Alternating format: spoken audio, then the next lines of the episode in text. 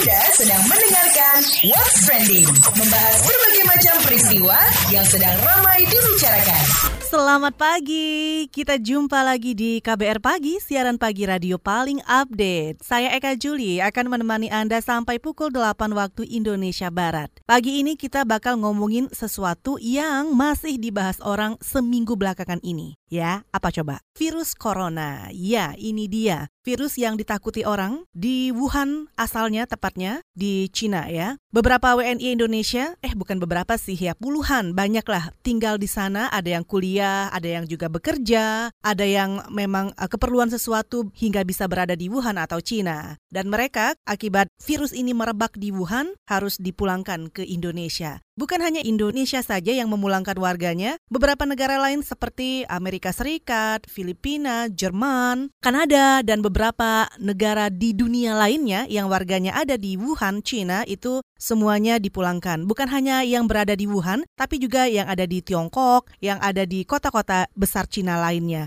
Jadi kalau ngomongin soal virus corona ini kebayang di situ beberapa kalau kita lihat videonya suasananya udah sunyi senyap seperti tidak ada kehidupan. Orang yang berada di Wuhan juga ketakutan untuk keluar rumah. Belum lagi bahan makanan mereka juga yang terbatas stoknya. Belum lagi secara psikologis gitu ya. Mereka ketakutan waduh gimana ini kelaparan? Entar kalau saya keluar nanti terkena virus dan sebagainya. Nah virus corona ini per hari Minggu 2 Februari 2020 sudah menewaskan 304 orang dan 14.500-an terinfeksi. Pusatnya atau yang paling banyak penderitanya adalah di Provinsi Hubei dan ibu kotanya adalah Wuhan. Dan ratusan WNI juga yang sebelumnya terisolasi dari Wuhan, Tiongkok sehubungan dengan wabah virus ini, akhirnya kemarin itu sudah kembali ke tanah air dengan selamat. Kalau keterangan Badan Nasional Penanggulangan Bencana atau BNPB, WNI yang dievakuasi mayoritas mahasiswa dan dalam kondisi sehat. Sesampai di Bandara Internasional Hang Nadim di Batam, mereka disemprot cairan antivirus sebagai sterilisasi sebelum kemudian diterbangkan ke Natuna. Nah, di Natuna ini mereka akan menjalani observasi selama dua minggu. Itu adalah sesuai dengan standar Badan Kesehatan Dunia atau WHO. Jadi WNI yang baru datang ke Indonesia dari Wuhan ini tidak diperbolehkan keluar dari area selama observasi berlangsung. Selain itu mereka juga akan dijaga oleh militer selama 24 jam penuh untuk keamanan. Nah, terkait dengan evakuasi warga negara Indonesia dari Wuhan, Tiongkok yang kembali ke tanah air, kita dengarkan penuturan Menteri Luar Negeri Retno Marsudi berikut ini. Total 243 orang, termasuk di antaranya 5 orang tim AJU yang kita pulangkan dari Wuhan telah tiba dengan selamat di Natuna. Mereka akan melalui masa observasi selama 14 hari. Masa observasi ini juga akan dilakukan oleh 42 tim penjemput WNI dari Wuhan. Mereka dalam kondisi sehat. Itu tadi Menteri Luar Negeri Retno Marsudi. Kamu lagi dengerin What's Trending KBR Pagi. KBR Pagi, siaran pagi radio paling update. Kita masih ngobrolin soal evakuasi WNI dari Wuhan terkait virus novel corona. Nah, pemerintah melakukan pengawasan dan observasi ketat selama 14 hari loh bagi warga negara Indonesia yang baru saja dievakuasi dari Wuhan dan beberapa kota lainnya di Provinsi Hubei, China. Kalau menurut Sekretaris Direktorat Jenderal Pencegahan dan Pengendalian Penyakit Kementerian Kesehatan, Ahmad Yuryanto, dia bilang jangka waktu 14 hari itu ditentukan sesuai dengan masa inkubasi virus. Nah, lebih lanjutnya kita langsung saja ngobrol bareng Ahmad Yuryanto, Sekretaris Direktur Jenderal Pencegahan dan Pengendalian Penyakit Kemenkes. Selamat pagi Pak Ahmad, ini bagaimana jalannya evakuasi WNI dari Wuhan hingga sampai ke Natuna? Uh, ya tentunya kan setelah kemudian pemerintah Cina memberikan izin untuk pemerintah Indonesia bisa menjemput warganya, maka kita mulai membuat perencanaan. Dalam hal ini tentunya leadnya adalah Kementerian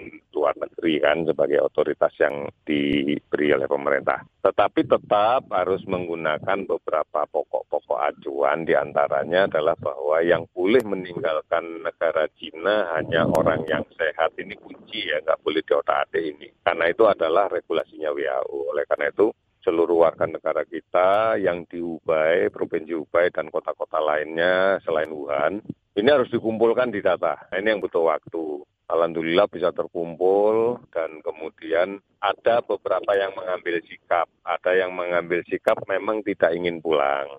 Ada berapa delapan orang kalau nggak salah mereka menyatakan tidak ingin pulang dan ingin tetap di sana dan membuat pernyataan oke itu hak mereka yang kita hargai. Oke, ada juga warga yang tidak ingin pulang ya. Nah, kalau warga yang ingin pulang gimana tuh? Kemudian yang ingin pulang ini terus harus menghadapi tahapan berikutnya yaitu seleksi pemeriksaan kesehatan. Karena nggak boleh orang sakit keluar dari Cina.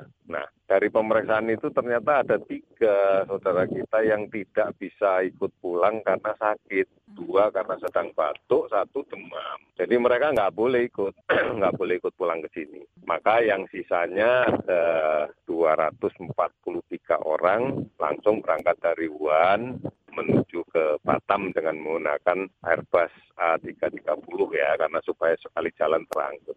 Nah setelah sampai di Batam karena mereka nanti akan kita observasi di Natuna maka A330 itu nggak mungkin dibawa ke Natuna karena runway-nya pendek. Akhirnya kita pindahkan ke pesawat yang lebih kecil, kita pakai dua Boeing 737-nya punya Angkatan Udara dan satu. Nah, sesampainya di sana nanti apa yang akan dilakukan? Sesampainya di sini langsung kita lakukan e, pemeriksaan ulang. Jadi meskipun pemerintah China sudah mengatakan oke, okay, kita tetap harus melakukan recheck. Kita cek lagi, kita periksa lagi. Alhamdulillah juga nggak ada yang sakit. Oleh karena itu setelah itu mereka kita bagikan tempat untuk mereka istirahatnya kamar, kemudian tempat tidur dan semua fasilitas yang yang dia butuhkan di sini. Sudah sampai di sini mereka saya lihat sesiang selama sore tadi tidur aja semua kerjanya karena mungkin mereka kecapean ya lelah kemudian tegang gitu ya. Tapi kita bisa lihat oh begitu mereka turun dari pesawat itu gembira banget ya. Ada ya ya biasa lah kalau turun pesawat gembira kan kayak saya langsung selfie sama sama pesawatnya gitu ya. Kalau proses observasinya seperti apa nih Pak? Ya, yang pasti kembali lagi pada protokol yang ditetapkan oleh WHO, mereka yang keluar dari daerah yang terkena wabah corona ini harus dijaga ketat, diobservasi ketat selama 14 hari. Kenapa 14 hari? Karena 14 hari itu adalah masa inkubasi virus, artinya masa masuknya virus sampai dengan munculkan gejala. Nah, kalau sampai 14 hari tidak ada gejala sama sekali berarti betul-betul bersih. Ini penting buat mereka dan penting buat kita karena mereka merasa bahwa mereka yakin dirinya sehat, mereka tidak akan merasa takut, keluarga mereka juga tidak akan merasa curiga lingkungannya jangan-jangan ini bawa kuman dan sebagainya, bawa virus dan sebagainya. Nah, ini kita hilangkan sekarang. Oke, terima kasih Sekretaris Direktorat Jenderal Pencegahan dan Pengendalian Penyakit Kementerian Kesehatan Ahmad Yuryanto. Kamu lagi dengerin What's Trending KBR Pagi. What's Trending KBR Pagi, siaran pagi radio paling update. Kita masih ngobrolin soal evakuasi WNI dari Wuhan terkait virus novel corona atau virus corona. Nah, rencana karantina WNI dari Wuhan di Natuna itu sempat mengalami penolakan loh oleh warga Natuna. Karena mereka itu takut warga yang dievakuasi di Natuna itu, WNI dari Wuhan ini maksudnya, sudah uh, ada virus corona di tubuhnya. Jadi takut menularkan ke warga yang berada di Natuna. Bahkan warga ini juga sempat mendatangi kantor DPRD setempat ya untuk mengeluarkan protes mereka, mengeluarkan unek-unek mereka. Nah, orang tua dari salah satu mahasiswa yang dievakuasi merasa lega ketika anaknya sudah sampai di tanah air meskipun belum boleh menemuinya. Seperti apa sikap dari orang tua ini terkait anaknya yang dievakuasi di Natuna? Kita akan ngobrol bersama Subandi, orang tua salah satu mahasiswa yang dievakuasi dari Wuhan. Selamat pagi Pak Subandi, apakah sudah dihubungi pemerintah kalau anaknya sudah dievakuasi? Jadi nampaknya memang tidak ada orang tua mahasiswa yang dihubungi oleh pemerintah secara langsung ya dalam hal ini, tetapi kami dihubungi uh, oleh Ketua Persatuan Pelajar Indonesia yang ada di Wuhan. Jadi kami dapat informasi dari situ Selain itu kami memang mengikuti informasi di media dan kontak kepada anak-anak kami ketika masih ada tidak uh, penungguan atau penantian di bandara Wuhan. Nah, bagaimana kondisi terakhir ketika berkomunikasi? Ya, sehat semua kok, sehat semua. Alhamdulillah nggak ada yang uh, hasil pemeriksaan uh, kesehatan di oleh petugas kesehatan di Bandara Wuhan itu alhamdulillah yang sudah ikut evakuasi dan masa observasi di Natuna itu alhamdulillah tidak ada yang bermasalah. Kalau ada masalah pasti mereka nggak akan lolos, nggak akan bisa terbang ke Indonesia.